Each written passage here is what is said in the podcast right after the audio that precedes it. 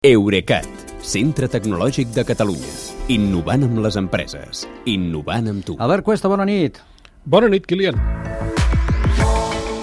Elon Musk, dia sí, dia també... El serial, el serial no s'acaba, tu. Sí, no s'acaba, no. Vol que Twitter, vol que ell guanyi diners com més aviat millor. La setmana que ve la xarxa començarà a cobrar per les funcions avançades com el perfil verificat. Albert. Uh, segons Bloomberg, uh, Twitter activarà a partir de dilluns la modalitat Blue, que per 8 dòlars al mes afegirà al teu perfil la marca blava de verificació.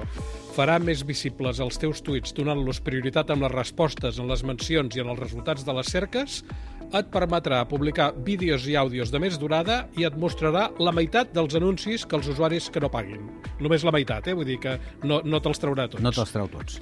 Uh, aquests 8 dòlars mensuals serien un 60% més del que Twitter Blue costa fins ara. I si es confirma, el que haurem de veure és si estarà disponible a tot el món o no, o, i no només als 4 o 5 països que tenen Twitter Blue, i també si el preu serà el mateix a tot el món o si Musk complirà un dels compromisos que va piular, que és que ajustaria el preu al poder adquisitiu de cada mercat. De fet, va començar dient que costaria 20 euros, eh, sí. o 20 dòlars. Uh, també sembla que els usuaris que ja tenim la marca blava aquesta de perfil verificat la podrem conservar durant uns mesos abans de decidir si preferim pagar o perdre-la. Eh, jo, en tot cas, el que trobo greu és que la puguis aconseguir amb diners, perquè això trobo que obre la porta a tota mena de confusions i de suplantacions per part de gent disposada a pagar. O sigui que el que caldrà és extremar les precaucions per comprovar si l'usuari que has començat a seguir és realment qui diu ser.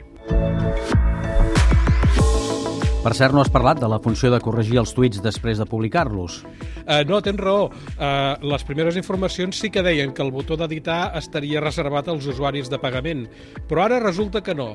Si Bloomberg té raó, ho podran fer tots els usuaris, això d'editar els tuits. A mi personalment em sembla una idea pèssima Uh, tant si pagues com si no pagues, perquè la velocitat que es propaguen les coses per Twitter ja veurem com es repliquen tuits originals que després, quan els vagis a llegir, hauran canviat i serà molt difícil establir qui va tuitar què i en quin moment ho va fer. Per tant, entenc que no només per això, sinó per moltes altres coses, el futur immediat de Twitter és confús?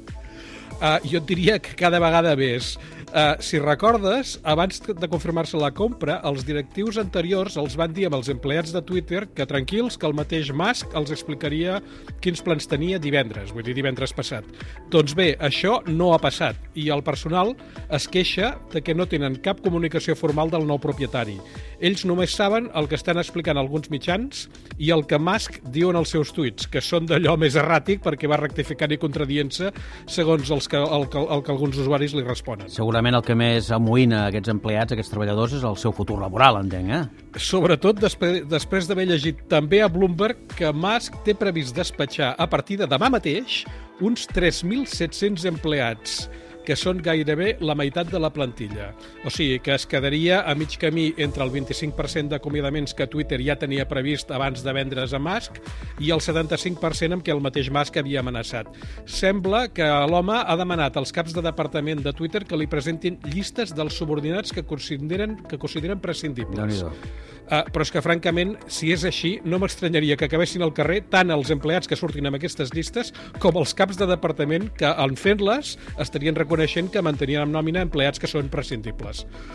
Uh, això sí, ara com ara hi ha programadors de Twitter que s'estan quedant a dormir al despatx per tal de poder complir els terminis dels canvis a la plataforma. I això jo trobo que seria un, exem un exemple uh, força extrem d'un altre dels suposats plans laborals de Musk. I és que la meitat de la plantilla que quedi ja no podrà fer feina des de casa i estaran obligats a fitxar cada dia a l'oficina un panorama ben diferent del que fins ara era. Escolta'm, gràcies, Albert, que vagi bé. Bona nit, Kilian, fins demà. Eurecat, centre tecnològic de Catalunya. Innovant amb les empreses. Innovant amb tu.